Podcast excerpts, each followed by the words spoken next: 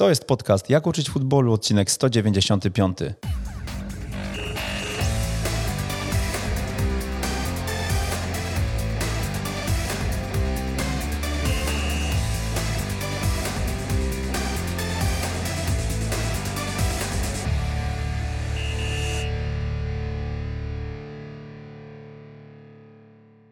Jak uczyć futbolu 195 przy mikrofonie Przemysław Mamczak. Witam serdecznie. Od lat chcę, by jego drużyny dominowały nad e, przeciwnikiem.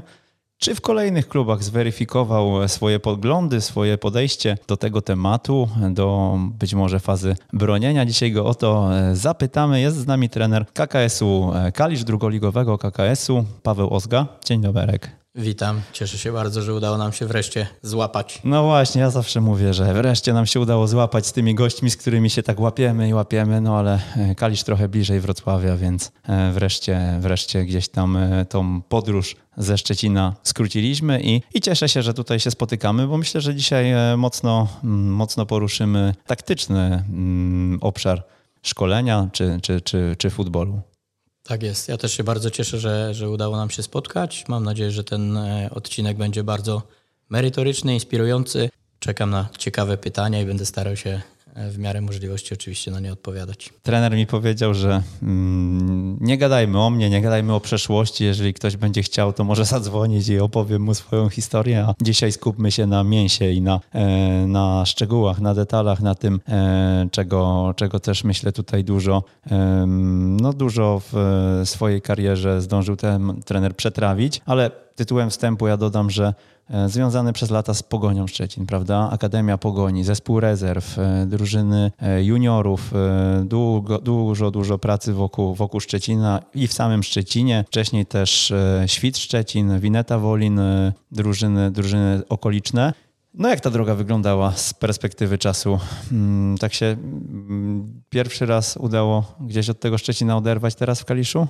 No moja droga myślę, że jest o tyle ciekawa, że jest dość bogata, jeśli chodzi o to, że miałem możliwość pracować na każdym szczeblu. Zaczynałem w klubie piłkarskim Salos Szczecin. Swego czasu to była bardzo mocna akademia, którą współtworzyłem e, z innymi dziś pracującymi na różnych szczeblach trenerami.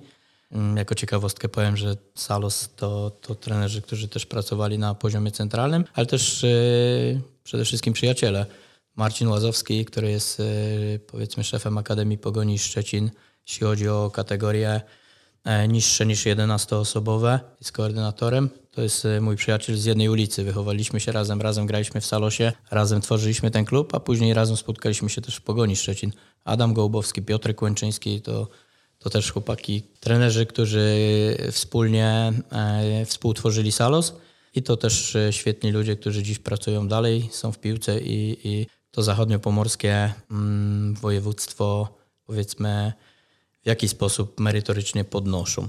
E, ja swoją przygodę z piłką rozpocząłem oczywiście grając w nią e, w klubach na niższych szczeblach. Maksymalny poziom, do którego dotarłem, to był juniorzy Pogoni i przejście do drugiej drużyny. Tam postanowiłem, że piłka nożna będzie dalej moim sposobem na życie, e, olbrzymią pasją, ale już z perspektywy drugiej, czyli, czyli z ławki. Miałem wtedy 20 lat, stwierdziłem, że odpuszczam granie w piłkę nie było to spowodowane żadnymi urazami, kontuzjami i tak. Po prostu decyzja. Stwierdziłem, że chcę spróbować szybko iść drogą trenerską, dosłownie. Więc szybko zacząłem się szkolić. Praca w Salosie była o tyle pozytywna, że nie było żadnego ciśnienia, presji, tylko rozwój. Świetni ludzie, wielka pasja, cudowny, powiedzmy, opiekun tego wszystkiego, e, Tadeusz Balicki E, ksiądz, który do dziś powiedzmy mogę powiedzieć, że dużo mu zawdzięczam w życiu. Mnóstwo wychowanków na poziom ekstraklasy. Wiadomo, że e, Pogoń Szczecin wtedy była w fazie jeszcze nawet nie tworzenia e, akademii. To była ta część po, po, po historii brazylijskiej w Pogoni, więc było nam o tyle łatwiej. No i stworzyliśmy, można powiedzieć, na rynku zachodniopomorskim, ale też ogólnopolskim dużą, dobrą akademię, ale nie mieliśmy ani żadnych jakichś wielkich wzorców. Wszystko to pasja, samonauka, samodoskonalenie, szukanie inspiracji, dostęp do internetu ograniczony, kaseta wideo Ajax Amsterdam przemielona na 200 tysięcy sposobów, później kaseta, do dziś ją pamiętam, dalej wideo, koordynacja z Szalkę 04, więc to ciekawe tematy. Kasetę zdobył jeden z kolegów, którego brat akurat w Niemczech mieszkał, więc gdzieś nam to ją załatwił. Niesamowita sprawa. I na tej bazie tworzyliśmy swoje treningi, swoje konspekty, oczywiście się budowaliśmy, robiąc postępy na, we wszystkich obszarach. Później w Polsce już było troszkę łatwiej, bo po pierwsze dostęp do internetu, ale teraz też coraz lepsze e, konferencje trenerskie, szkolenia, wykłady na coraz wyższym poziomie, coraz więcej zagranicznych prelegentów, więc e, w dobrą stronę to wszystko poszło. No i, no i Salos Szczecin to na pewno klub, który mnie w jakiś sposób jako człowieka też e, powiedzmy ukształtował. Wartości, które tam były przekazywane, niekoniecznie związane z pieniędzmi, bo wiele e, lat pracowaliśmy po prostu za darmo, za obiad, śmialiśmy się, czy za czwartkową pizzę. To, to na pewno ukształtowało mnie jako człowieka, mój charakter. To, że dziś mogę o sobie powiedzieć, że no na pewno człowiekiem jestem dobrym, tak mi się przynajmniej wydaje. Natomiast później już były zespoły seniorskie. Zaczynałem od Pomorzanina Przybiernów. To taki nadmorski klub. E, szybki awans z szóstej do piątej ligi. E, doceniła to Wineta Wolin, wtedy czwartoligowy klub. Też bardzo szybki awans z czwartej do trzeciej. Wygranie trzeciej ligi jako Beniaminek. Akurat trafiliśmy dość pechowo na to, że, że jedyny raz były baraże. Trafiliśmy chyba na najmocniejszy zespół wtedy od Reopole i niestety w dwóch meczu nie daliśmy rady. Świt, Szczecin, trzecia liga, walka o do ostatniej kolejki o drugą ligę. No i przez ostatnie 4 lata przed Kaliszem Pogoń Szczecin, 3 miesiące z zespołem juniorów, później już cały czas e, drugi zespół.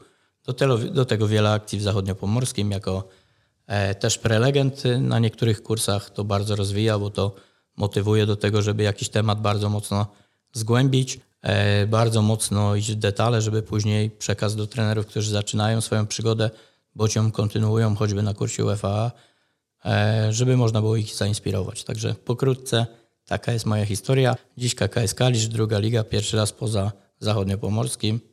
Zobaczymy, jak to się dalej potoczy. Dlaczego Winneta grała nietypowo jak na swoją ligę? Bo tak słyszałem już wiele lat temu. E, zdominowaliście ligę czwartą, e, później trzecią tak jak, jak trener wspomina, gdzieś tam od Odry się odbiliście w barażach, natomiast y, no, to i tak chyba były wyniki y, jak na klub y, tego, tego pokroju naprawdę dobre. No i za tymi wynikami szła też nietypowa gra chyba w piłkę, tak? Wyniki historyczne jak na tamten klub, no bo Wineta wcześniej nigdy nie była e, w trzeciej lidze. Ten awans zrobiliśmy w drugim sezonie. Jako Beniaminek przegraliśmy bodajże dwa mecze, pierwszy i chyba trzeci, a później już e, wtedy było 30 spotkań w lidze, nie przegraliśmy żadnego. Co było nietypowe? Nietypowe było na pewno to, że w e, pierwszej 11 grało siedmiu wychowanków z małego miasta, z małego klubu, e, ale świetni zawodnicy, e, którzy później gdzieś tam próbowali swoich sił na wyższych poziomach, między innymi bracia Nagórscy. To takie znane w zachodniopomorskim dwa nazwiska, bardzo dobrzy piłkarze. Nietypowe było to, że no, graliśmy w piłkę cały czas, wszędzie. Chyba nie mieliśmy meczu, w którym byśmy mieli niższy poziom posiadania piłki niż rywale. Bardzo dużo bramek zdobywaliśmy. Wyróżnialiśmy się na pewno stylem, to, to na 100%, bo graliśmy w piłkę, natomiast to też wynikało z charakterystyki zawodników. Po jakimś czasie dołączył do nas Marek Niewiada, legenda floty Świnoujście, środkowy obrońca, który wybicie piłki traktował jako jakąś porażkę intelektualną. Prawdopodobnie wolał ją stracić. E, doszedł Bartek Ława, no, legenda Pogoni Szczecin można powiedzieć, więc oni też e, na ten wpływ mieli. Mieli olbrzymi wpływ na ten styl. Natomiast to były czasy, w których nie wyobrażałem sobie tego, że przeciwnik będzie w jakiś sposób częściej przy piłce. Im dalej od swojej bramki, tym dla mnie w tamtych czasach było lepiej. Natomiast na pewno charakterystyczne było to, że graliśmy w różnych systemach, często je zmieniając, ale graliśmy przede wszystkim non-stop w piłkę. No właśnie, jak to się zmieniło e, z czasem, bo rozmawialiśmy tutaj przy kawie wcześniej, mm, przed nagraniem i tak powiedział trener, że wcześniej był romantykiem. Romantykiem e, futbolu, e, drużyny miały grać w piłkę, miały ją posiadać, ale w pewnym momencie chyba zapaliła się lampka, że nie o samo posiadanie tutaj chodzi. Powiem tak, mm, pierwszy raz, będąc teraz w KKS-ie Kalisz, mam czasami po meczu rozterki i wątpliwości, czy idziemy dobrą drogą. Mam na myśli to, że nie gramy rewelacyjnie, jeśli chodzi o posiadanie piłki, natomiast jesteśmy niesamowici skuteczni w poszczególnych fazach. Dobrze bronimy pola karnego, jesteśmy bardzo dobrzy w ataku szybkim. Są rzeczy, które przynoszą nam dzisiaj dużą ilość punktów. Wcześniej nie wyobrażałem sobie sytuacji, że któryś z moich zespołów będzie oddawał świadomie inicjatywę przeciwnikowi, że będzie grał w obronie niskiej, że będzie potrafił na boisku w jakiś sposób cierpieć, po to, żeby za chwilę zaatakować, zdobyć bramkę i znowu wrócić do tego, że żeby poczekać na przeciwnika i zobaczyć, co on nam zaproponuje. Ja uważam, że to nie jest do końca moja droga, ale dziś życie taki scenariusz trochę pisze. Po części staram się to zaakceptować jako świadomy już trener, powiedzmy. Natomiast na pewno będę dalej szedł drogą taką, żeby w piłce jednak tego romantyzmu trochę było więcej w moich zespołach. Świt, Wineta, Pogoń zawsze grały pięknie dla oka, natomiast finalnie okazywało się, że zazwyczaj zajmowaliśmy to drugie miejsce, czyli pierwsze niepremiowane jakimś sukcesem. W świcie walka do końca z Elaną Toruń, oni awansowali w Pogoni z Olimpią Grudziądz, oni awansowali w Winecie, trafiliśmy na Odrę Opole, oni awansowali. Dziś myślę, że dla całej tutaj kaliskiej społeczności ważniejsze niż ten styl będzie awans, natomiast na pewno nie chcę odejść od tego i dałem sobie na to czas do zimy, żebyśmy wrócili też do tego, że nasz zespół potrafi w każdej fazie, szczególnie z piłką, być też dla oka ciekawym zespołem. Z Radkiem Pelą, kolegą e, z kursu UEFA Pro, rozmawiałem e, przed naszym spotkaniem i e, powiedział mi, żebym zapytał właśnie o sparring z miedzią, bo Radek, Radek stwierdził, że być może to był też jeden z momentów u trenera Ozgi, w którym zaczął patrzeć na piłkę bardziej pragmatycznie. Czy tak było i dlaczego?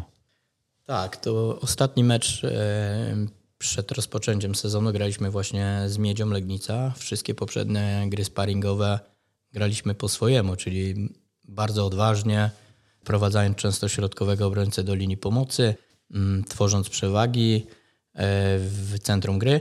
Cały czas chcieliśmy mieć piłkę, cały czas chcieliśmy grać bardzo odważnie, a Radka zespół pokazał nam drugą stronę piłki. Pierwszoligowcy, wielu doświadczonych zawodników, Kamil Dryga z poziomu ekstraklasy. Oni czekali na nas w średnim pressingu, czekali tylko na moment, kiedy gdzieś podejmiemy jakieś zbyt duże ryzyko i natychmiast nas kasowali. Zabierali piłkę i wchodzili skrzydłami w pole karne z 20 razy w tym meczu. Ja cały czas się zastanawiałem, dlaczego tak się dzieje. Wiedziałem, że mamy dużo strat, że nie do końca gramy na swoim poziomie, natomiast oni te pułapki zakładali fantastycznie, a później wiedzieli, jak szybko dojść e, do tej trzeciej strefy i wchodzić nam w pole karne bez żadnego problemu. I ten mecz mi pokazał, że Druga strona futbolu może być równie piękna, jeśli znajdzie się sposób. I pokazał też, że jeśli będziemy zbyt naiwni na poziomie centralnym, to nas zespoły będą bardzo szybko kontrowały. Rozmawiając z kilkoma trenerami, którzy w ostatnim czasie robili awanse z drugiej do pierwszej, u każdego z nich padało to samo takie złote zdanie. Pierwsza rzecz, jeśli chcesz wygrywać mecze, to nie pozwól się skontrować. A jeśli już to się zdarzy, to wytrzymaj moment, wytrzymaj ciśnienie, nawet jeśli chcesz przegrywać, e, jeśli przegrywasz 1 do 0, to nie pozwól, żeby przeciwnik wykorzystał ten moment, strzelił ci drugą, bo już tego nie odrobisz. I faktycznie w tej lidze tak jest. No, ten mecz, ten sparring z Radkiem oglądałem kilka razy z różnych perspektyw, z kamery zabramkowej, z drona e, i wiem, że no tutaj Radek robi świetną robotę w miedzi, zresztą pokazuje to choćby wczorajszy mecz z Wisłą Płock 4 do 0 e, i wysokie miejsce w tabeli, ale otworzył mi też oczy na to, że nie zawsze w piłkę trzeba grać szczególnie jeśli chodzi o fazę otwarcia, tak jak my to chcieliśmy robić, czyli bardzo, bardzo, mm, że tak powiem, pięknie, ładnie dla oka, wielopodaniowo. Czasami po prostu trzeba dostać się za linię przeciwnika, jeśli jest to możliwe, w łatwy, ale nie prostacki sposób i tam wykorzystać swoje okazje. Też y, na poziomie centralnym zaczynam dostrzegać jedną bardzo ważną rzecz, że w piłce ważne są momenty, że nie zawsze da się kontrolować całe spotkanie, nie zawsze da się kontrolować wszystkie fazy, ale jeśli umiesz kontrolować najważniejsze momenty, umiesz się wybronić w momencie, gdy przeciwnik idzie z teoretycznie szybkim, groźnym atakiem, czy potrafisz bronić pola karnego, to też w meczu przyjdą Twoje momenty, oparte o jakość indywidualną zawodników, oparte o przygotowane fazy przejściowe, oparte o to, że wiesz w polu karnym, jak chcesz się zachowywać rywala polu karnym. I to powoduje, że jeśli twoi zawodnicy są tego świadomi, to powoduje to, że potrafi strzelić jedną, dwie, trzy bramki więcej niż przeciwnik, a jednocześnie samemu nie pozwolić sobie strzelić. My w tym sezonie mamy dziewięć meczów, w których nie straciliśmy bramki. E, zdecydowanie najlepiej w całej lidze, ale oprócz tego ze wszystkich e, czterech powiedzmy profesjonalnych lig w Polsce mamy najmniej bramek straconych w, całej, w całym kraju, więc to też jest odpowiedź i jasny argument dla moich zawodników, że znaleźliśmy te 20%, czyli obronę pola karnego, która nam daje bardzo duży efekt w postaci właśnie często zerowych kąt po stronie straty. Okej, okay, ale czy mm, ta zmiana nastawienia to mm, dołożenie właśnie obrony pola karnego, mm, trochę większe skupienie na zabezpieczeniu ataku, czyli tem, tem, temu momentowi, kiedy atakujecie pozycyjnie, ale jesteście już gotowi i e, macie jakiś plan, co w przypadku straty? Czy jednak podpisał pan pakt z diabłem i, e, i, i odwrócił trochę e, to swoje podejście do dominacji? To jest ciekawe pytanie, dlatego że z jednej strony zacząłem akceptować to, że możemy też się bronić nisko. Kiedyś to było dla mnie nieakceptowalne. Pressing na całym boisku, zawsze, wszędzie przeciwnik ma cierpieć grając z moim zespołem, jak my piłki nie mamy, a jak mamy tą piłkę, to ma po prostu za nią biegać. Dzisiaj chyba też nie jestem w stanie do końca to wymóc na swoim zespole, żeby tak było.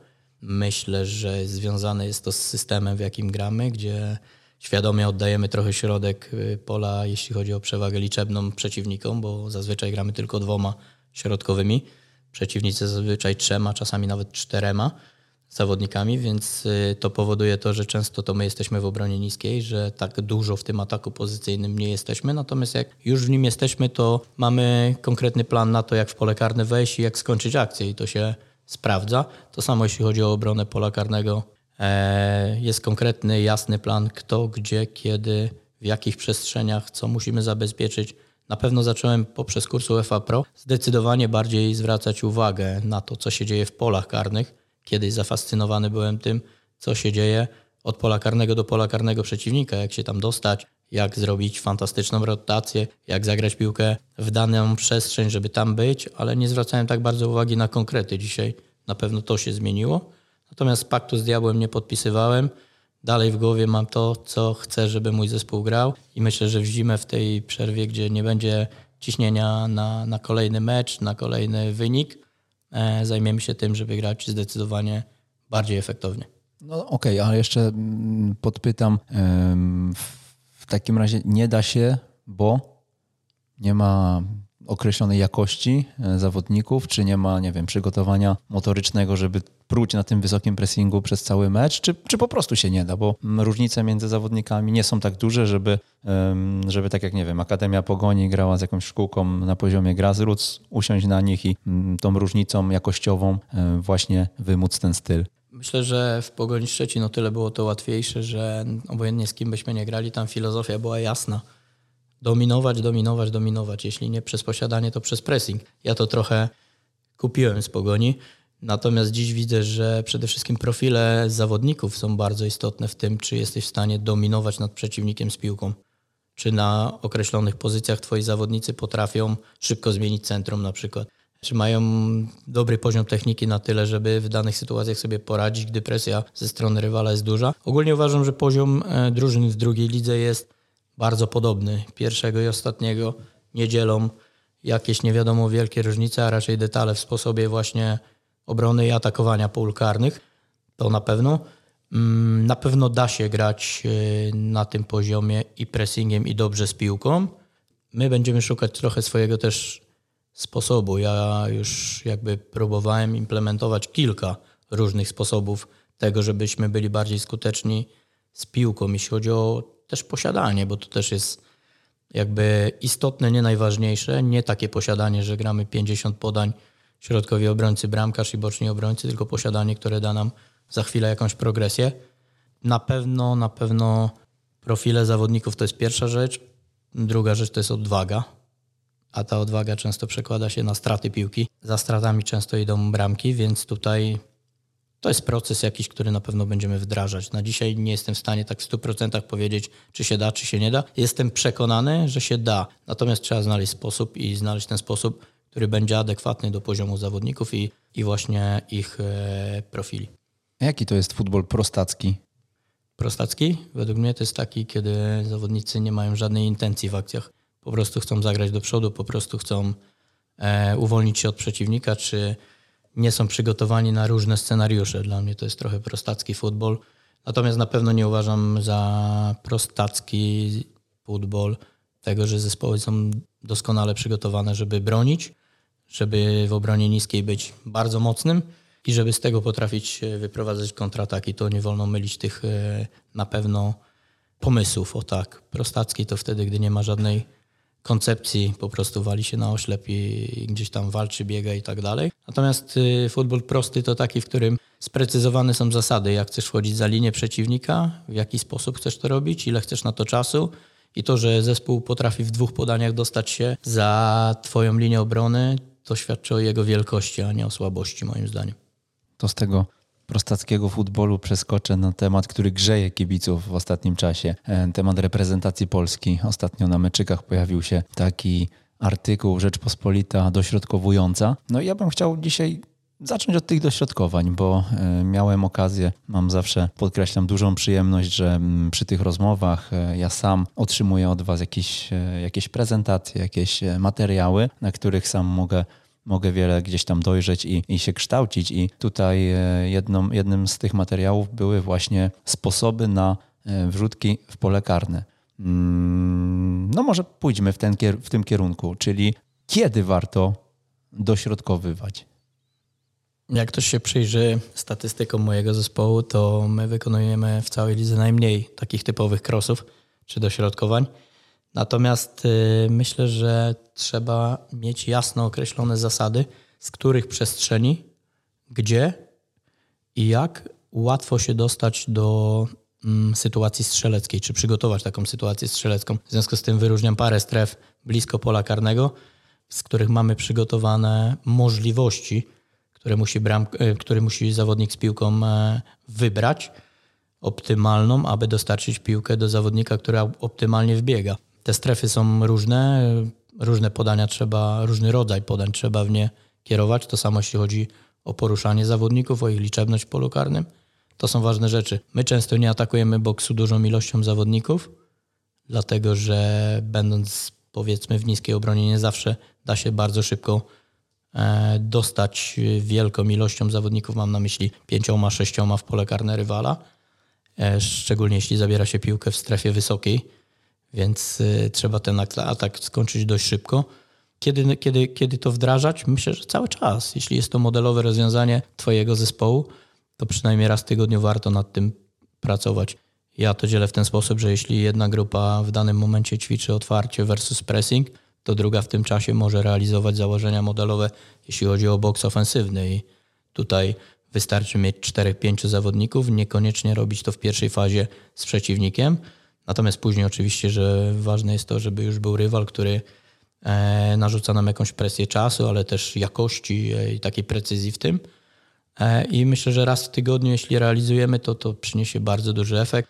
Ja uważam i dostrzegam, że to jest właśnie te 20%, które daje 80% później efektu. To samo dotyczy się defensywnego boksu. Zasady, poruszanie, a później już detale. Ja myślę, że trochę łapiemy się na tym, że te dośrodkowania wrzucamy do jednego worka i, i, w tej ogólnej dyskusji, powiedzmy, kibiców, tak, y, czy w mediach społecznościowych, no. Jedni mówią, no jak to nie dośrodkowywać? Przecież tutaj e, można tyle goli z tych dośrodkowań strzelić. E, drudzy bronią to między innymi ja piszę o matematyce, tak? E, o tym, że e, szansa jest większa tutaj, a nie tutaj, ale nam nie chodzi o to, że dośrodkowania trzeba wyeliminować z gry w piłkę nożną, bo dośrodkowania to jest cholernie trudna rzecz do zabezpieczenia z perspektywy broniących, jeżeli są dobrze wykonane. No i teraz pytanie właśnie o te miejsca e, wykonania, od tego zacznijmy. Skąd warto dośrodkowywać? No jeśli chodzi o odległości dalsze od pola karnego, to uważam, że bardzo ważnym elementem są wczesne dośrodkowania.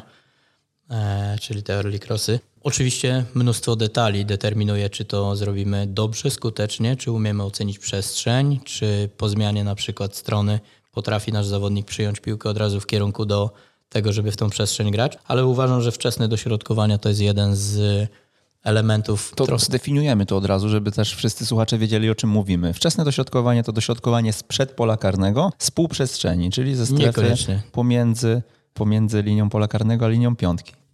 Nie, moim zdaniem nie. Okay. Wczesne dośrodkowania to są dośrodkowania czy, czy podania wykonywane z przestrzeni bliżej linii autowej, ale głębiej. Wtedy, okay. gdy jeszcze linia obrony nie zdąży zredukować przestrzeni między e, nią a bramkarzem, Więc ta przestrzeń tych podań do kieszeni, tak można też to Mhm. nazwać, tak definiuje e, wczesne dośrodkowania. Natomiast te, o których mówisz, to są dośrodkowania z półprzestrzeni Okej. i tak je nazywam. I uważam, że to jest fantastyczna broń na zespoły, które bronią nisko. I uwielbiam e, półprzestrzenie, uwielbiam zawodników, którzy rozumieją jakby zależności, kiedy dośrodkować dochodzącą piłkę, odchodzącą, w które miejsce. Natomiast to można bardzo łatwo, myślę, e, usystematyzować i dać narzędzia zawodnikom, żeby potrafili przy dobrej takiej synergii między nimi e, wykorzystywać to jako broń e, w przewadze liczebnej przeciwnika. To zaraz sobie przejdziemy przez te szczegóły jeszcze, ale e, tak, wczesne dośrodkowania zdefiniowane zostały przed chwilą. E, dośrodkowania z półprzestrzeni,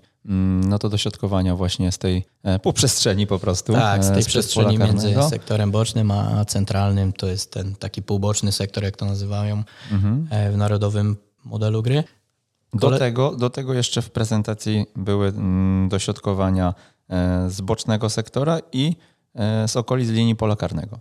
Tak jest. Jest. Cztery takie rozróżnienia. Tak, tak. Ja mm, uważam, że te dośrodkowania czy podania w określone przestrzenie, wchodząc od boku pola karnego, są kluczowe, żeby zawodnicy wiedzieli, jak się poruszać, które przestrzenie mogą być najsłabiej w danym momencie kryte przez przeciwników. Natomiast y, nie preferuję dośrodkowań spod linii bocznej. Natomiast jak pokazują statystyki, one są często wykonywane i są dość skuteczne.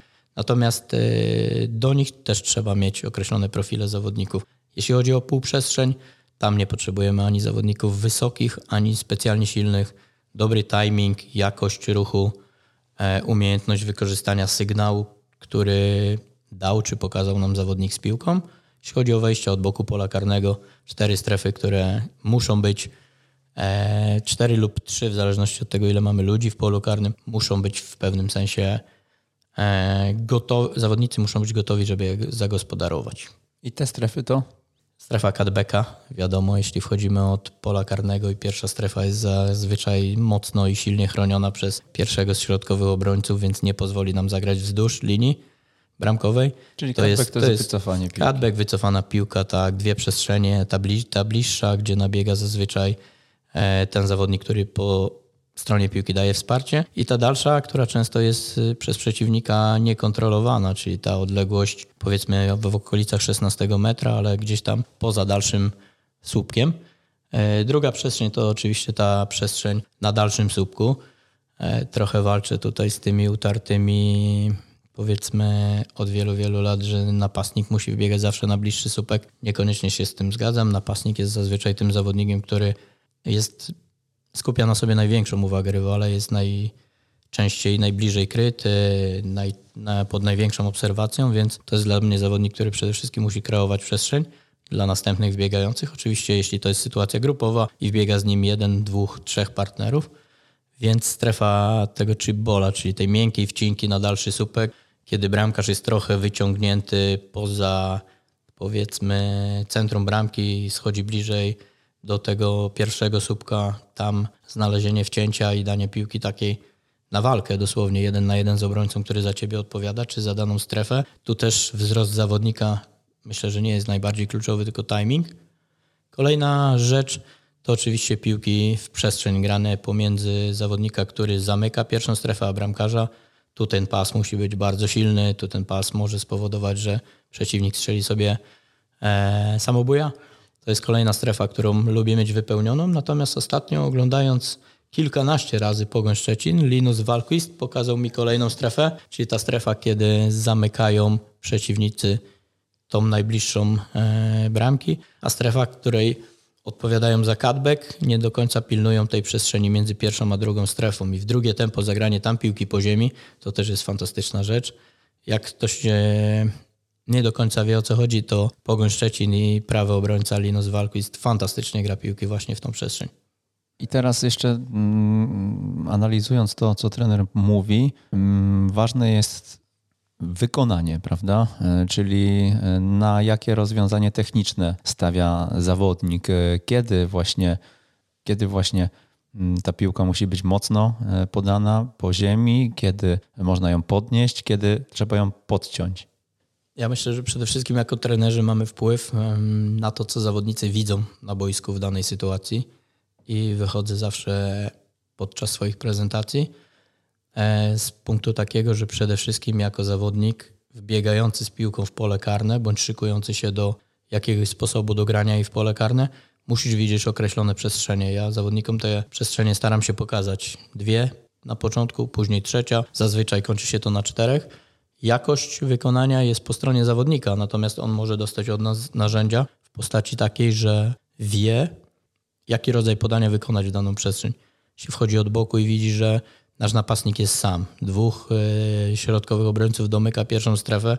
I widzi, że zawodnik nie robi ruchu na dalszy słupek, no to musi być po prostu bardzo mocne podanie po ziemi i albo my dołożymy nogę, albo przeciwnik może wpakuje sobie sam piłkę, albo może rykoszet spowoduje, że ją zbierzemy.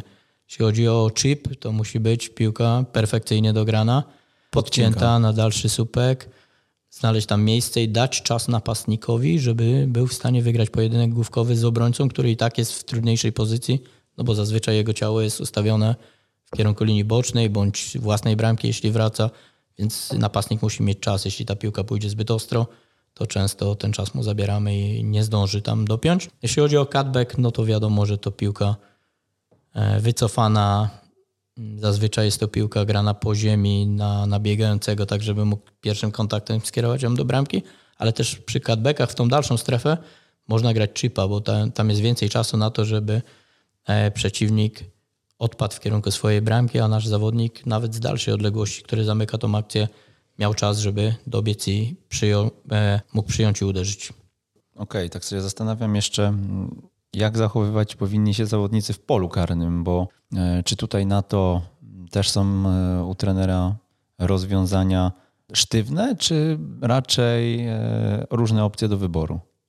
Myślę, że zasady są sztywne. To znaczy, chcemy mieć zawodnika na dalszym słupku, chcemy mieć dziesiątkę zazwyczaj, która wbiega e, w granicę pierwszego słupka i oczywiście zawodnika, który jest na cutbacka e, obowiązkowo, plus zawodnika z pozycji powiedzmy po przeciwnej stronie, po słabej stronie. Zawodnika, czy to będzie boczny obrońca, czy druga szóstka, ale takiego, który w razie czego zamknie i da możliwość tego cutbacka, ale tego dalszego czyli w tą przestrzeń na 16 metrze, ale bliżej dalszego słupka. Taki do, z dobrym wolejem. Najlepiej. Przede wszystkim z dobrym przyjęciem, żeby mógł spokojnie opanować tą piłkę, a później jakość to już jest po stronie zawodników. Natomiast są sytuacje specyficzne, jeden na jeden w polu karnym, gdzie trzeba zdobyć plecy i nagle wyskoczyć przez do obrońcę, czy, czy oszukać go na zasadzie takiej, żeby wykorzystać moment, kiedy obrońca patrzy na piłkę i złapać jego plecy. Tutaj jakby duża mm, rola jest zawodników, żeby umieli to ocenić. Moja rola myślę, że ogranicza się przede wszystkim do dwóch rzeczy. Przestrzenie, w które masz biegać, e, narzędzia, jak tą piłkę dogrywać w daną przestrzeń, ale ty jako piłkarz musisz potrafić to zrobić, więc to od ciebie zależy. My za ciebie jako trenerzy nie, nie zagramy e, e, cutbacka na przykład. Mm, są zasady, one są dość sztywne, natomiast nie ma problemu, jeśli zawodnik zrobi coś innego i dojdzie do sytuacji strzeleckiej. Natomiast ja staram się zawodnikom też pokazywać, że nawet w momencie, kiedy doszli do sytuacji strzeleckiej, a z tyłu za nimi jest partner, to może lepiej było zaatakować przestrzeń dalszego słupka, otworzyć możliwość właśnie temu, który nabiega, bo ma więcej czasu, pewnie jest w lepszej sytuacji strzeleckiej i zostawić tą piłkę. Tutaj jakby w kontekście analizy dużo z zawodnikami nad tym pracujemy, pokazujemy im te miejsca, dajemy coraz więcej rozwiązań, jeśli chodzi o detale bo im dłużej pracujemy w tym określonym modelu czy w określonych zasadach blisko tego pola karnego, tym więcej później e, detali musi wchodzić w grę, żeby przeciwników oszukiwać. Też w Polsce jest fajna tendencja, że zespoły coraz lepiej bronią własnego pola karnego, więc sztuką jest umiejętność oszukania rywala. No ale na końcu powiem zdanie, które na kursie UEFA Pro powtarzają byli piłkarze, że na końcu liczy się i tak jakość zawodnika. I z tym się zgadzam. To zdecydowanie, ale ta jakość też wzrasta poprzez wskazówki, które wy jako trenerzy e, tym zawodnikom dajecie. I mm, zapytam właśnie o te wskazówki. Na co konkretnie e, przy tych dośrodkowaniach zwraca trener jeszcze uwagę? No załóżmy, że wchodzimy od e, lewej strony pola karnego i nasz zawodnik im bliżej jest pola karnego, tym bardziej musi zwracać uwagę na dwie strefy, chip i cutback, dlatego że pierwsza strefa jest mocno zamknięta, więc zagranie wzdłuż będzie bardzo trudne. Chip to wiadomo, że jest trudne jakościowo zagranie, Mam na myśli technikę. Musisz dać idealną podcinkę jeszcze, żeby ona spadła w dobrym tempie i w dobre miejsce tam, gdzie chcemy. Ale wskazówką jest na pewno przestrzeń, w którą możemy zagrać cutbacka. Wskazówką jest na pewno przestrzeń na dalszym słupku. Oczywiście to bezwzględnie musi się odbywać w roli jakby w, we współpracy zawodnika, który wbiega i zawodnika, który to gra, ale dając takie 3-4 rozwiązania jednemu i drugiemu, gdzie masz biegać, w którym momencie i w którym kierunku i zawodnikowi z piłką, które miejsce musisz grać, bo on na pewno tam, tam ktoś od nas na pewno musi być, albo inaczej, w które miejsce musisz spojrzeć, zanim podejmiesz decyzję, jest kluczowe. I tutaj trochę ograniczone pole e, trzech, czterech rozwiązań myślę, że zawodnikom bardzo ułatwia, bo dalej nie jest zaburzone to, że oni sami podejmują decyzje, sami mają wpływ, wpływ na jakość tego podania, ale finalnie te rozwiązania są trochę gotowe. I tak naprawdę masz ułamek sekundy, żeby podnieść głowę i zobaczyć, czy w daną przestrzeń wbiega kolega. Jeśli nie wbiega w tą, to spójrz w inną, spójrz w cutbacka.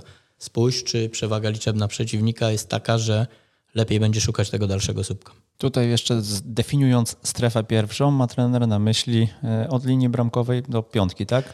No, uproszczając to dokładnie mhm. tak. Tą strefę, którą zazwyczaj domyka przeciwnik, żeby, żeby nie dostać bramki, czy, mhm. czy do, nie, do, nie, nie dać przeciwnikowi sytuacji do pustej bramki, kiedy, kiedy ktoś wkłada piłkę z 3-4 metrów praktycznie do pustaka, bo bramkarz zazwyczaj wyciągnięty na ten bliższy słupek.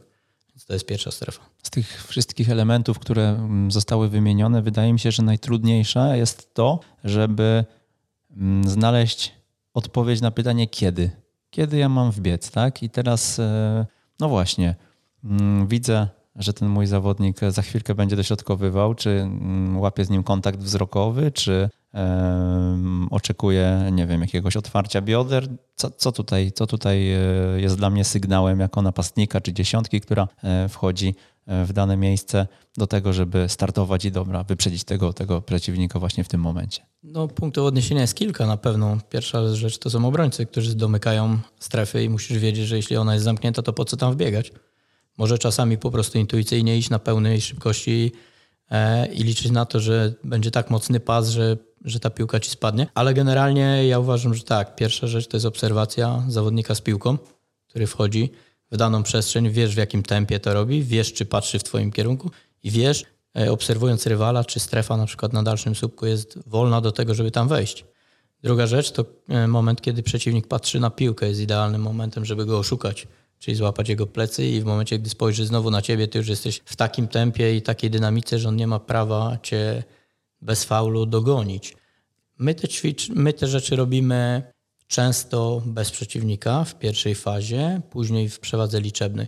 Często trenerzy są tymi, którzy dogrywają piłkę dla zawodnika wchodzącego z półprzestrzeni lub z półbocznego sektora, ale wyżej, czy od boku pola karnego. Trenerzy grają jakąś piłkę, na którą zawodnik, który za chwilę tą piłkę otrzyma, nie jest przygotowany i ma ułamek sekundy na to, żeby podjąć decyzję, gdzie tą piłkę zagrać. Trenujemy to często na bardzo małej przestrzeni, najpierw właśnie w formie takiej wyizolowanej, gdzie wbiegają perfekcyjnie zawodnicy tam, gdzie powinni być. Później zabieramy rozwiązania, dokładając na przykład tego manekina, który zamyka jakąś strefę, już musisz e, technicznie wykonać kolejne ćwiczenie lepiej.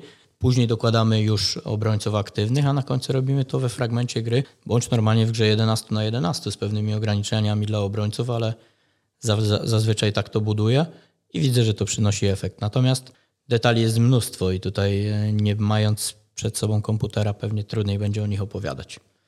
Zdecydowanie tak, chociaż e, tutaj rozmawialiśmy też przed nagraniem, że czasami naprawdę banalne wskazówki są w stanie zmienić e, wiele.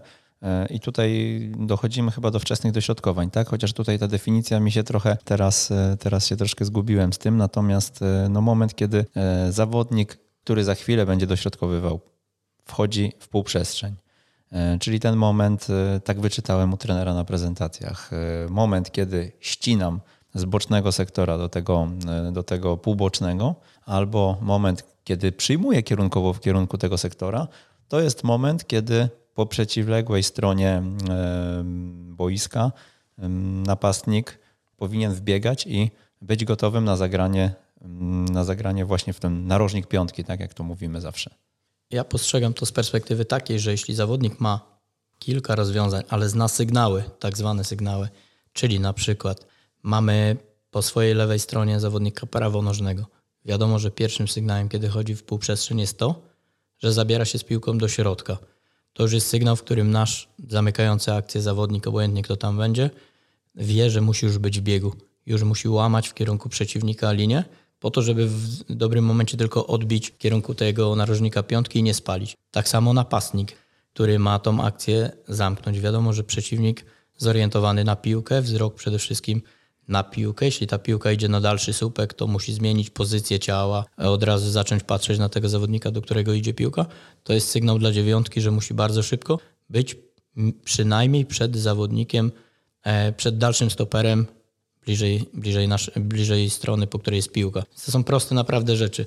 Kolejnym sygnałem jest podanie wsteczne, e, gdzie zawodnik wie, że za chwilę po tym wstecznym będzie piłka dośrodkowywana zazwyczaj dochodząca do bramki ma atakować już przestrzeń między dalszym słupkiem a ostatnim obrońcą i wchodzić w ten korytarz. Następny sygnał to zmiana półprzestrzeni z, pół, e, z półprzestrzeni do półprzestrzeni, czyli wiążemy powiedzmy prawo skrzydłowym do lewo skrzydłowego, on schodzi do półprzestrzeni, wiemy, że jak tam piłka dotrze, to za chwilę będziemy znowu szukać tej ślepej strony, czyli pleców ostatniego zawodnika, który w polu karnym gdzieś tam się porusza. Tych sygnałów jest tylko kilka. Z mojej perspektywy na pewno można to rozbudować.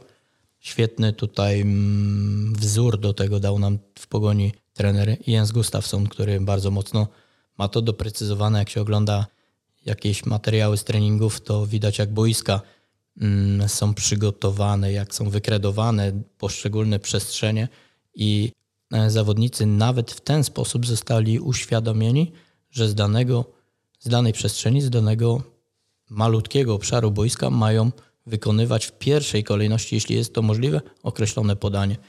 Może tu zostawię, jak Pogoń Szczecin to pole karne przeciwnika sobie oznacza i, i ten podział na trzy takie sektory kluczowe, z których ma być grany chip, kiedy cutback, a kiedy piłka powiedzmy między strefy. Także narzędzi jest trochę, natomiast najważniejsze jest to, żebyśmy podnosili świadomość zawodników i to, żeby oni rozumieli sygnał, który daje zawodnik z piłką, jest kluczowy dla tego, który za chwilę akcję ma zamknąć. Niekoniecznie zdobyć bramkę, ale być może dograć jeszcze piłkę do kogoś, kto, kto ją włoży z najbliższej odległości. Taką prezentację o wczesnych dośrodkowaniach e, w ramach prezentu udostępnimy, prawda?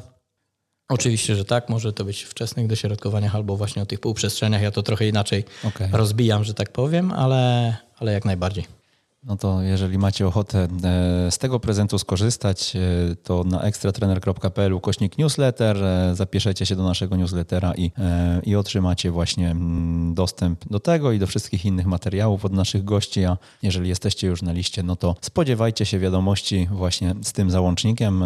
No, myślę, że to będzie fajne uzupełnienie tego, o czym tutaj rozmawiamy, bo będzie uzupełnieniem graficznym mm, i, i, i, i pewnie w jakiś sposób uplastyczni nam to odbiór na ile y, tych stref czy tych poszczególnych przestrzeni podzielił Jens Gustafsson boisko?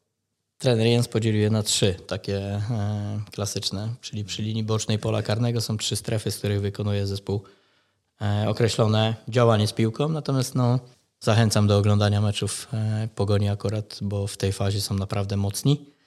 Widać poruszanie się, kto kiedy schodzi na cutbacka, kto kiedy atakuje dalszy supek, w jaki sposób Kamil Grosicki zdobywa bramki po tych cutbackach, ale to tutaj zostawiam to, żeby trenerzy mieli pole do analizy własnej, żeby nikomu też nie ułatwiać. Natomiast pokażę też zdjęcie, być może będzie łatwiej to zwizualizować w tym prezencie, żebyśmy mogli, jeśli mamy takie możliwości, też ułatwiali zawodnikom pracę, bo chyba to też o to chodzi, żeby oni poprzez to, że damy im kilka rozwiązań, mogli decydować i wybierać, które w danym momencie jest najlepsze. To na pewno podnosi skuteczność gry zespołu w fazie konkretnej.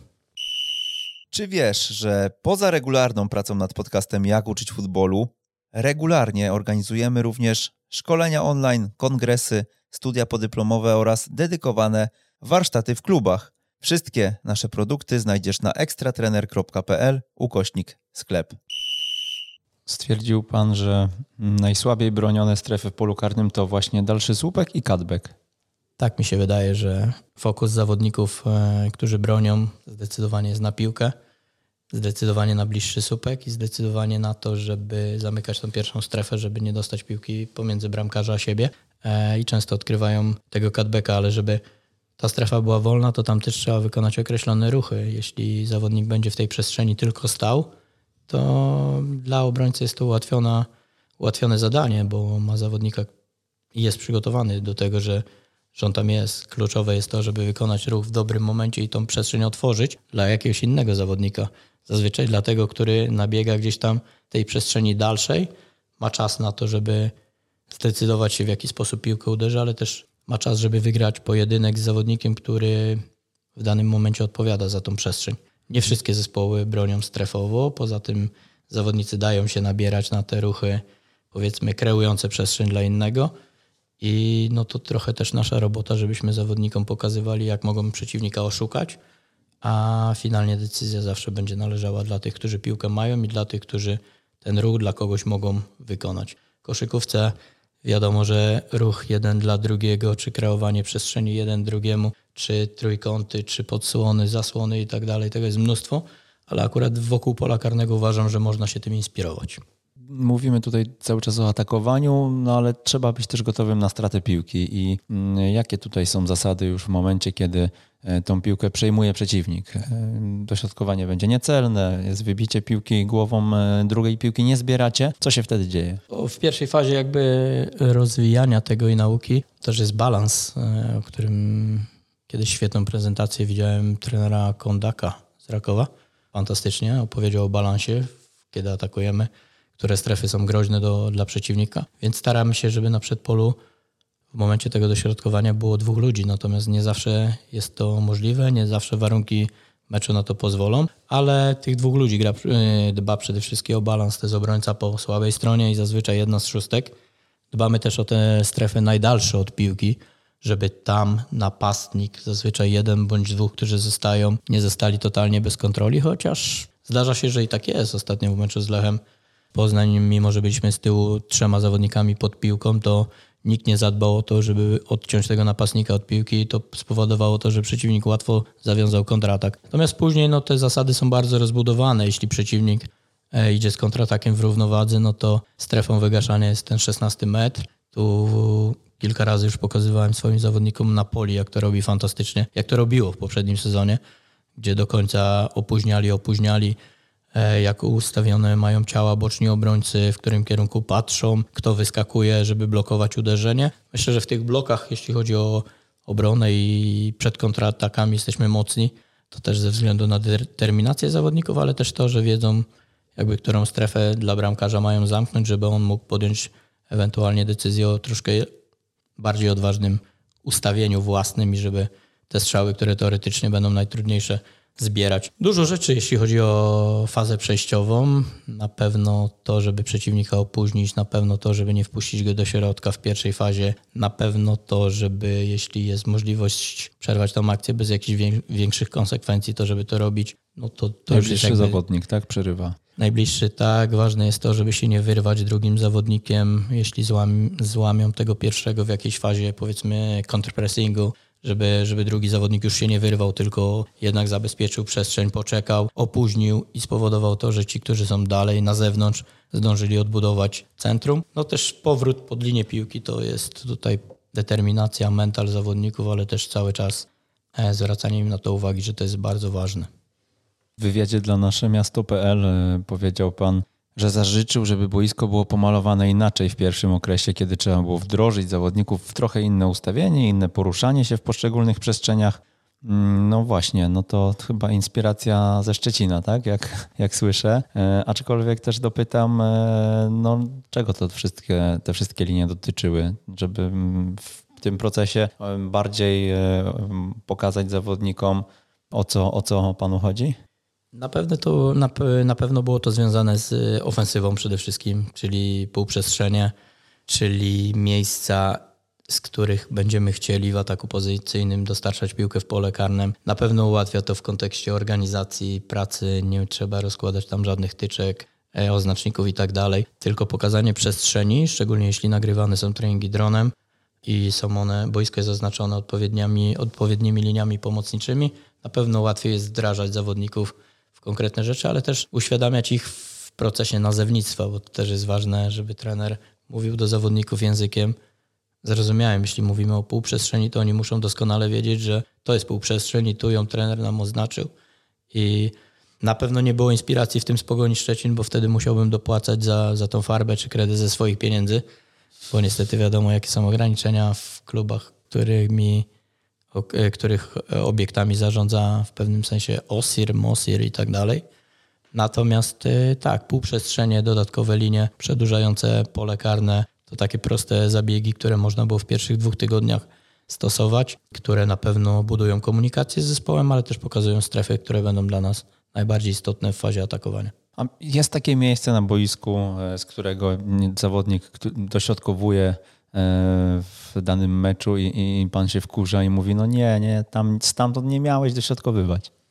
Tak, jeśli nie ma przestrzeni, czyli nie ma możliwości zagrania w kieszeń, to na pewno nie chcę, żeby moi zawodnicy spod linii bocznej pola nie ma e, możliwości zagrania w kieszeń, to jeszcze to rozwińmy. No nie ma, nie ma przestrzeni do tego, żeby nabiec i zaatakować tą powiedzmy kieszeń między bramkarzem a linią obrony, bo mhm. ta przestrzeń już jest zredukowana.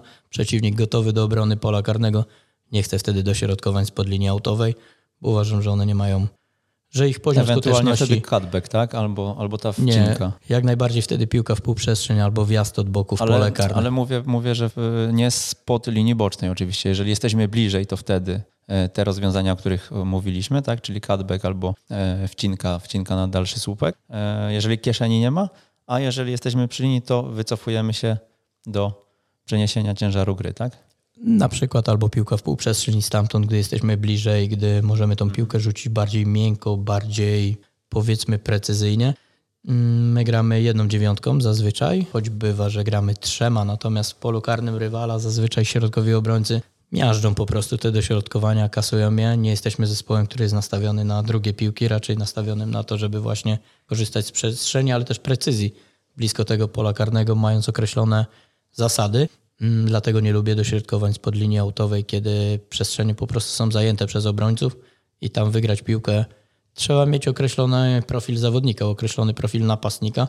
My mamy innego w tej chwili, bardzo dobrego i skutecznego, ale w innych działaniach. Dlatego nie lubię tych dośrodkowań spod linii e, bocznej czy spod linii końcowej. Ja myślę, że tutaj ta minuta ostatnia może mogłaby zamknąć całą dyskusję o dośrodkowaniach e, reprezentacji Polski, czy nie tylko reprezentacji Polski, bo e, no właśnie dośrodkowania to nic złego, pytanie tylko, czy my na te dośrodkowania mamy pomysł, bo tutaj jest ciąg przyczynowo-skutkowy u trenera. Tak? Jestem przy linii bocznej i obserwuję. Moim mm, sygnałem, z którego wyciągam wnioski, jest to, że nie ma przestrzeni między bramkarzem a linią obrony e, przeciwnika. On jest bardzo nisko, więc bez sensu jest tam kopać piłkę po prostu. I jeżeli zawodnik jest uświadomiony, e, że wtedy e, wykonujemy inne rozwiązanie, czyli, czyli podajemy sobie gdzieś tam na przedpole, podajemy do półprzestrzeni i dopiero stamtąd dośrodkowujemy, to koniec końców, nawet e, dośrodkowując, my wciąż dośrodkowujemy, a jednak e, robimy to według, według planu, który został przyjęty. No myślę, że na pewno piłka nożna bez dośrodkowań byłaby uboższa zdecydowanie. Mamy fantastycznie grających zawodników głową i to jest artyzm wręcz e, u niektórych zawodników, że potrafią wykończyć akcję z pozycji no, bardzo niekomfortowej, lepiej głową niż, niż robią to stopą, e, więc na pewno dośrodkowania są bardzo ważne, natomiast plan, strefy, przestrzenie, z których są wykonywane, sygnały, które dają zawodnikom, którzy mają tę akcję kończyć, to są kluczowe rzeczy, e, ale jak najbardziej nie jestem przeciwnikiem dośrodkowań. Po prostu z pewnych stref, stref uważam, że nie są one do końca skuteczne i dlatego ich nie preferuję. Teraz przejdziemy do drugiej e, części mm, naszej rozmowy i zapytam, jak się przed tym wszystkim bronić? No bo tutaj znalazł trener e, dużo dziur wśród przeciwników. Tak? Najczęściej dziura jest tutaj. Najczęściej robimy e, to dlatego, że wtedy przeciwnik nie ma za bardzo szansy na reakcję i łatwo jest go zaskoczyć. No ale właśnie, no jest też moment, kiedy przeciwnik ma piłkę i wtedy KKS Kalisz jest pod presją e, tego, żeby się zabezpieczyć i żeby się obronić przed e, daną sytuacją. Więc jak bronicie wy pola karnego? W ostatnim czasie częściej jesteśmy we własnym polu karnym niż w polu karnym ofensywnym czy atakowanym. Dlatego też uważam, że to znowu jest ten, ta zasada 20%, które dają dużo wyższy poziom skuteczności i wpływu na wynik. My bronimy czwórkowo, więc e, trochę inaczej niż większość zespołów e, w ostatnim czasie. tendencja jest, żeby bronić i przechodzić z trzech na pięciu obrońców. Jest to skuteczne. Na bazie ostatniego mistrza Polski pokazuje, że to może być bardzo skuteczne. Natomiast zasady jasno określone, które strefy muszą być zabezpieczone, jak układać ciało, który strzał jest kluczowy z danej przestrzeni dla bramkarza i ta strefa musi być zamknięta po to, żeby on mógł podjąć inną decyzję o ustawieniu własnym. Rozbijając na, na powiedzmy detale, pierwsza rzecz to obrona przeciwko dośrodkowaniom. Jeśli wiem, że w danym tygodniu mikrocyklu a analizuję przeciwników nie jakoś szczegółowo, na poziomie drugiej ligi nie skupiam się na przeciwnikach i na pewno mogą to potwierdzić moi zawodnicy, że tam czasu poświęconego na rywala jest bardzo mało.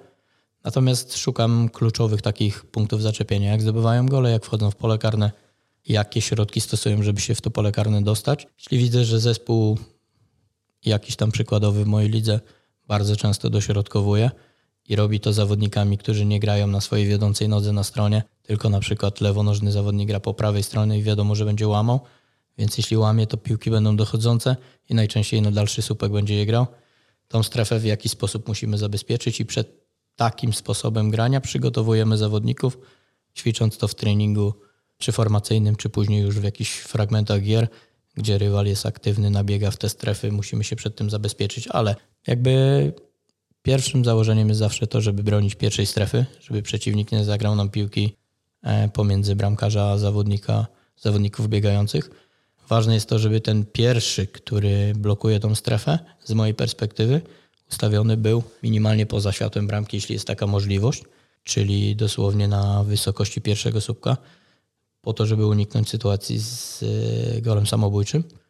Stopy w kierunku linii bocznej, to są już jakby detaliki. I jeśli nie ma możliwości takiej piłki przejąć do grania, to ma tą akcję skasować tak daleko, jeśli się da, żeby oddalić niebezpieczeństwo drugiej piłki i oczywiście, żeby była możliwość natychmiast skrócić pole gry iść do pressingu. Druga strefa, którą mocno zabezpieczamy i tutaj już przechodzimy w krycie indywidualne, to jest drugi środkowy obrońca, który musi zabezpieczyć napastnika, który wchodzi w światło bramki, czyli złapać go przed samym dośrodkowaniem do krycia, w myśl zasady, że powietrze na bramki nie strzeli, więc tutaj łapiemy jeden na jeden.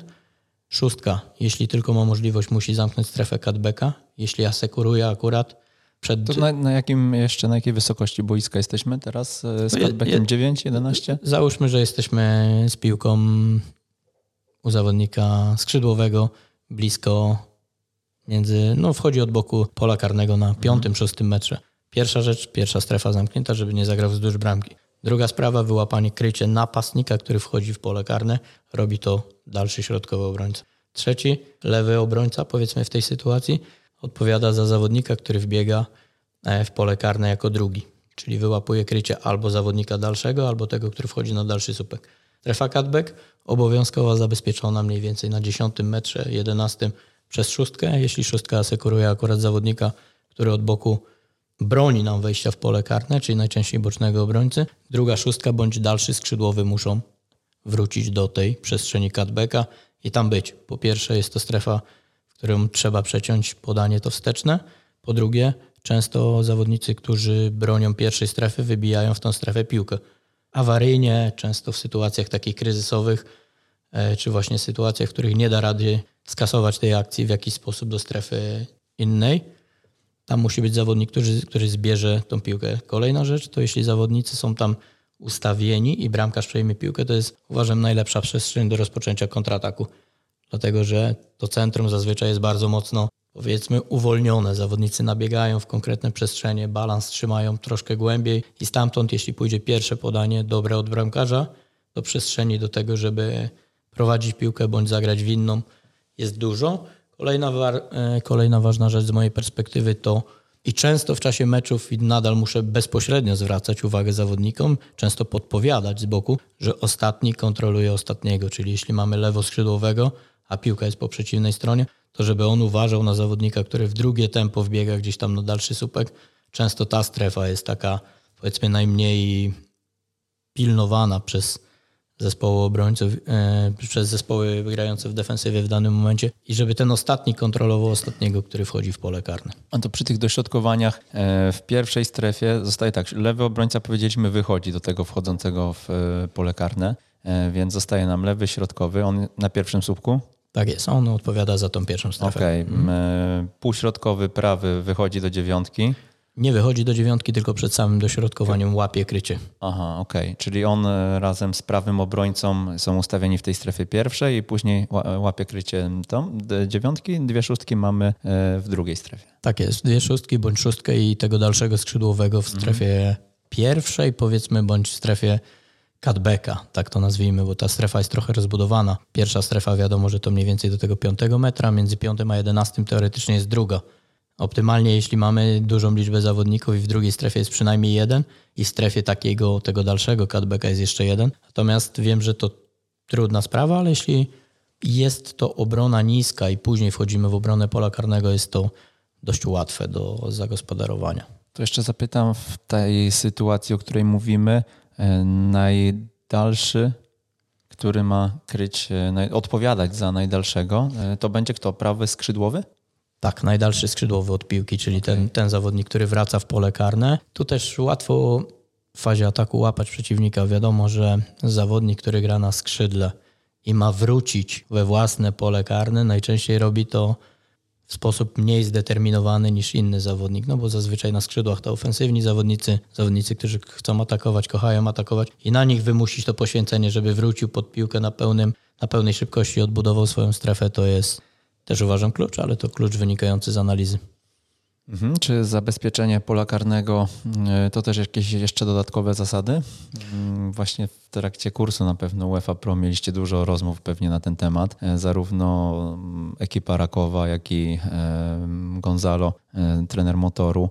Mm, no to, to są gdzieś przykłady tej, tej obrony pola karnego. No i, i pytanie, co poza dośrodkowaniami jeszcze?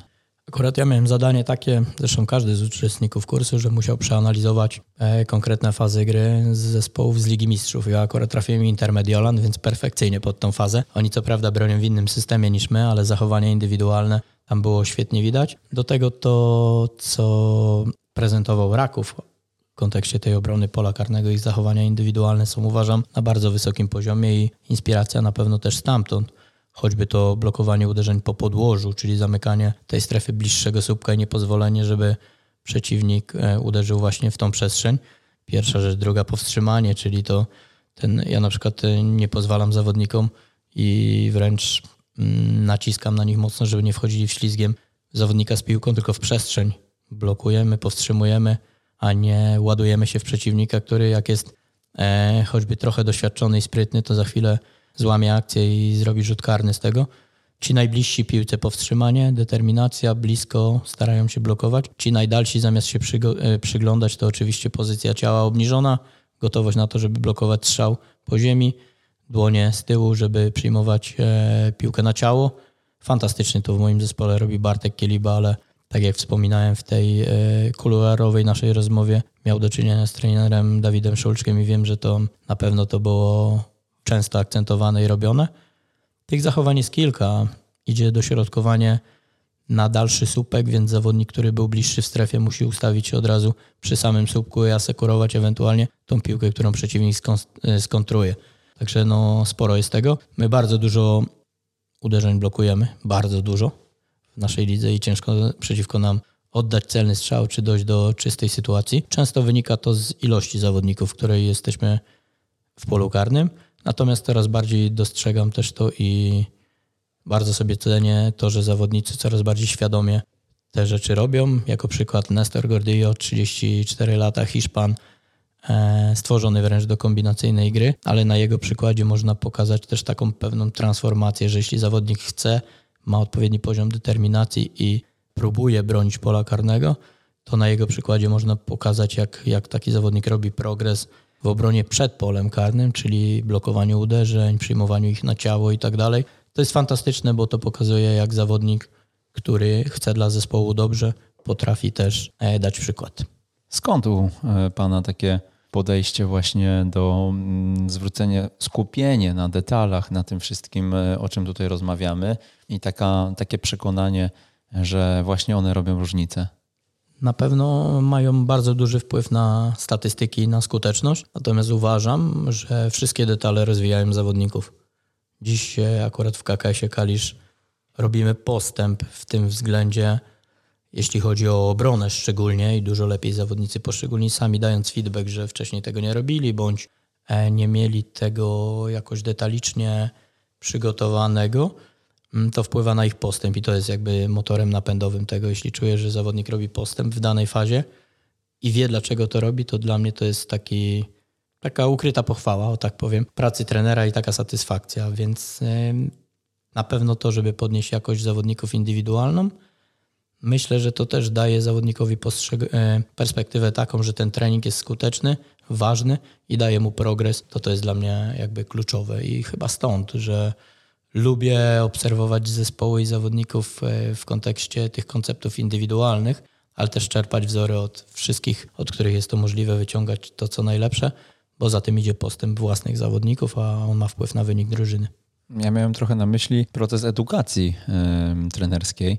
Y, tak jak trener wspomina, wcześniej zakończył przygodę piłkarską, z drugiej strony y, kształcił się dosyć dawno temu, bo ja pamiętam, że ten kurs UEFA Pro to przecież e, tam podejść było kilka, dobrych kilka na pewno, nie? Do, do egzaminów. E, dopiero udało się to zrobić teraz. E, no ale przez, no właśnie, no 10 czy 15 lat temu Myślę, że te treści, o których dzisiaj rozmawiamy, nawet w Jak uczyć futbolu, one nie były tak powszechnie gdzieś prezentowane, czy o nich się nie dyskutowało zbyt, zbyt ogólnie.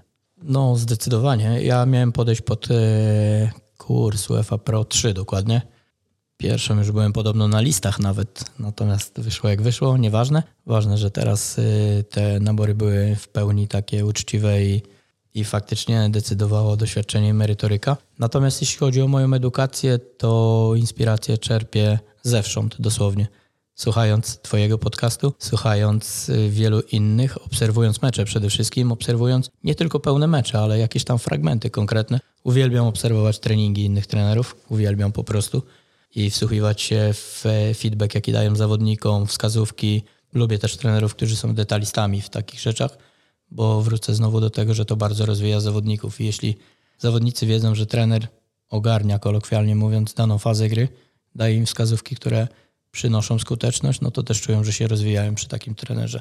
Także edukacja oczywiście przed parą, przed kilkunastoma laty była utrudniona, natomiast internet, wiedza nieograniczona, jeśli się dobrze szuka, to na pewno można znaleźć. E, kwestia tego, jak samodzielnie się postrzega później te to, co się widzi, jak umie się to zinterpretować i przełożyć na własne podwórko. Fenomenalną grupę macie na kursie UEFA Pro i tutaj ten rozwój e, pewnie e, związany z kursem jest podwójny właśnie dzięki mm, wspólnym relacjom. Kto największe wrażenie zrobił w tej grupie na panu z perspektywy 20, 20 macie uczestników, tak? Czyli 19 kolegów z grupy. Tak, jest nas 20. Grupa mocno zróżnicowana, dlatego że są trenerzy, którzy już są dzisiaj na, na świeczniku e, i na pierwszych stronach piłkarskich gazet, o ile takie jeszcze istnieją, niewiele, ale jest. No jest e, Adrian Siemieniec, Jagiellonia, Białystok, który robi furorę i styl, i ilość punktów, i miejsce w tabeli.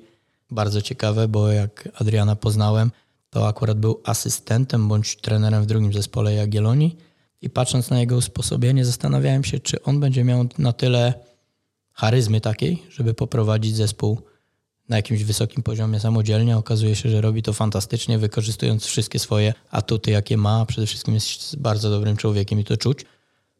Wielu tak naprawdę trenerów robi na mnie bardzo dobre wrażenie od tych, e, które byli, którzy byli tu wspomniani, jak Szwarga, Dawid czy, czy Gonzalo, Radek Bella, Mieć Legnica, ale jest mnóstwo trenerów, którzy jeszcze nie, nie błyszczą. Nie są tymi pierwszymi trenerami. Robert Kolendowicz, e, charyzma taka, która myślę, że daje gwarancję, że będzie mocnym za chwilę graczem na rynku trenerskim i pewnie za jakiś czas zacznie, mam nadzieję, że to będzie Pogoń Szczecin, e, prowadzić e, jako pierwszy trener. Maciek Kędziorek, e, asystent czy drugi trener, nie, asystent w Lechu Poznań. Tych trenerów jest naprawdę dużo, którzy jeszcze nie są na pierwszym miejscu, ale za chwilę będą i na pewno będą rozdawać karty w polskiej piłce przez najbliższe lata. Nie chcę mówić, kto jest top 3.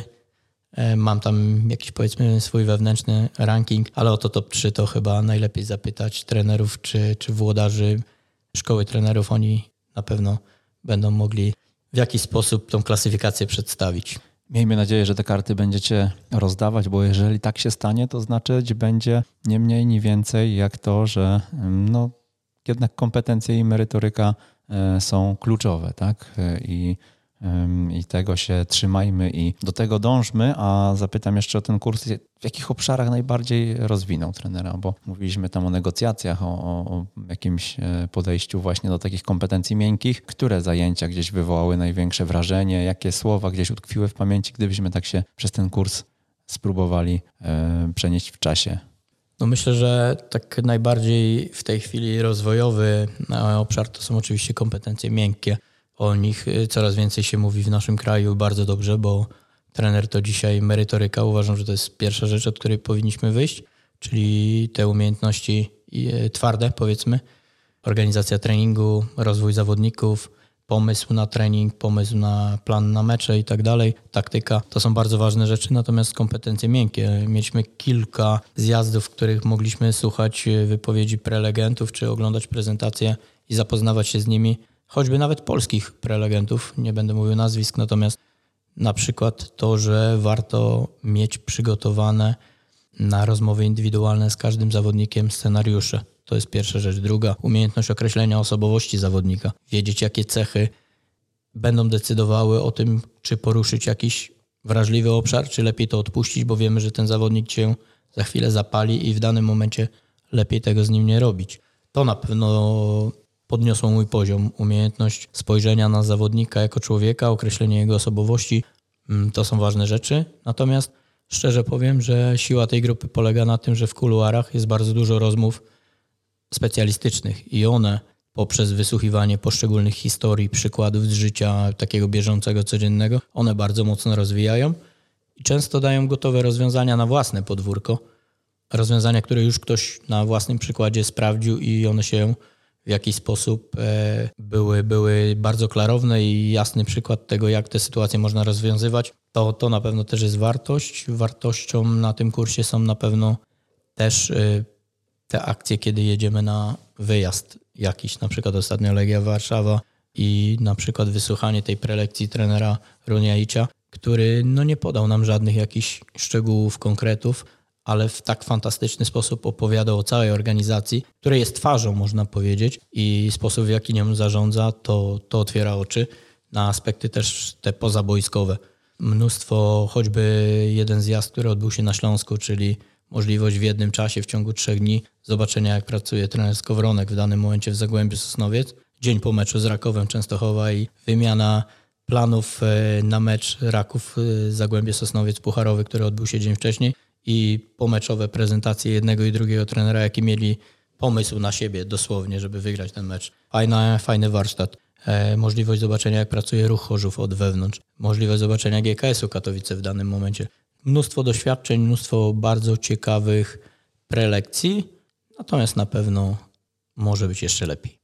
Dobrze, no to, e, no to na, na, tym zakończymy kurs UEFA Pro i odniosę się trochę do słów, które tutaj padały kilkukrotnie, do zasady Pareto, do zasady 20-80. Jaka mała rzecz może wiele zmienić w procesie szkolenia? Nie wiem, czy w procesie szkolenia, ale na pewno wiele może zmienić w w procesie skuteczności własnego zespołu, to o czym mówimy, czyli jakość choćby zasad, które dany trener posiada i umie przekazać w kontekście pola karnego, na przykład jej obrony czy atakowania. To może na pewno zmienić bardzo wiele, jeśli chodzi o skuteczność e, swojego zespołu. Natomiast w procesie szkolenia myślę, że przede wszystkim otwartość na wiedzę i odwaga trenerów może powodować to, że nasi zawodnicy młodzi będą lepsi, skuteczniejsi, ale też częściej będą chcieli podejmować różne kreatywne idee na, na boisku. To na pewno.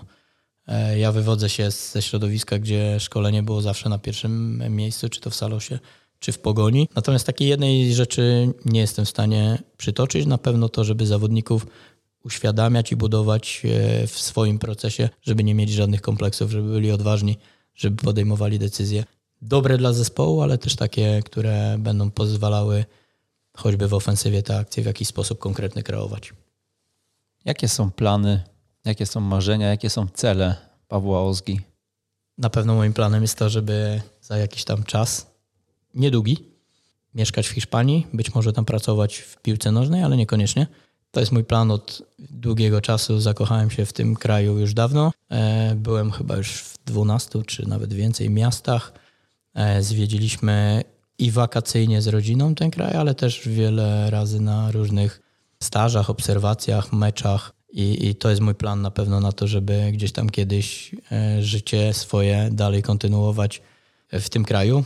Nie wiem na ile to się sprawdzi, na pewno chcę tego spróbować, na pewno moja rodzina jest do tego przekonana, więc to jest e, nasz plan. Natomiast e, najbliższy plan jest taki, żeby KKS Kalisz grał taką piłkę, żeby wszyscy bili brawo, ale żeby to nie zatraciło miejsca, na którym w tym momencie jesteśmy, żeby tego nie zaburzyło. No ja z jednej strony tego w takim razie życzę, a z drugiej strony fajnie będzie obserwować drużyny, które są przez Pana prowadzone e, właśnie tutaj w Polsce, blisko, żeby można było posłuchać tych konferencji pracowych, czy, mm, czy zobaczyć, jak zasady, o których dzisiaj nawet rozmawialiśmy, sprawdzają się praktyce, więc e, tak trochę tej Hiszpanii życzę, a trochę e, życzę, żeby jednak za dopiero kilka lat się sprawdziła. No to na koniec zapytam, z jakim zdaniem chciałby Pan zostawić naszych słuchaczy? słuchaczy, mam nadzieję, że e, słucha nas duża grupa trenerów. Myślę, że kluczowe jest to, żeby mieć pasję i wierzyć w to, co się robi. I do tego zachęcam, bo po tej drodze, na tej drodze, na moim przykładzie, też wiem, że jest dużo zakrętów, jest dużo trudności, trzeba łączyć życie prywatne z życiem zawodowym, natomiast zawsze kluczem jest pasja i chęć do tego, żeby rozwijać się, podglądać i odważnie to, co widzimy i to, w co wierzymy, przekazywać swoim zawodnikom. Paweł Ozga. Tak jest, dziękuję serdecznie za tą możliwość, bardzo miło. I Przemysław Mamczak, ja również e, dziękuję za to spotkanie. Mm, to był 195 odcinek Jak uczyć futbolu. My słyszymy się za dwa tygodnie i e, życzę wszystkim e, dobrych dwóch tygodni. Do usłyszenia. Do usłyszenia. Jeżeli spodobał Ci się ten odcinek i wspólnie z nami chcesz podnosić poziom szkolenia w Polsce, o istnieniu podcastu Jak uczyć futbolu poinformuj jednego znajomego trenera, którego takie treści mogłyby rozwinąć. Z góry pięknie Ci za to dziękujemy i raz jeszcze do usłyszenia.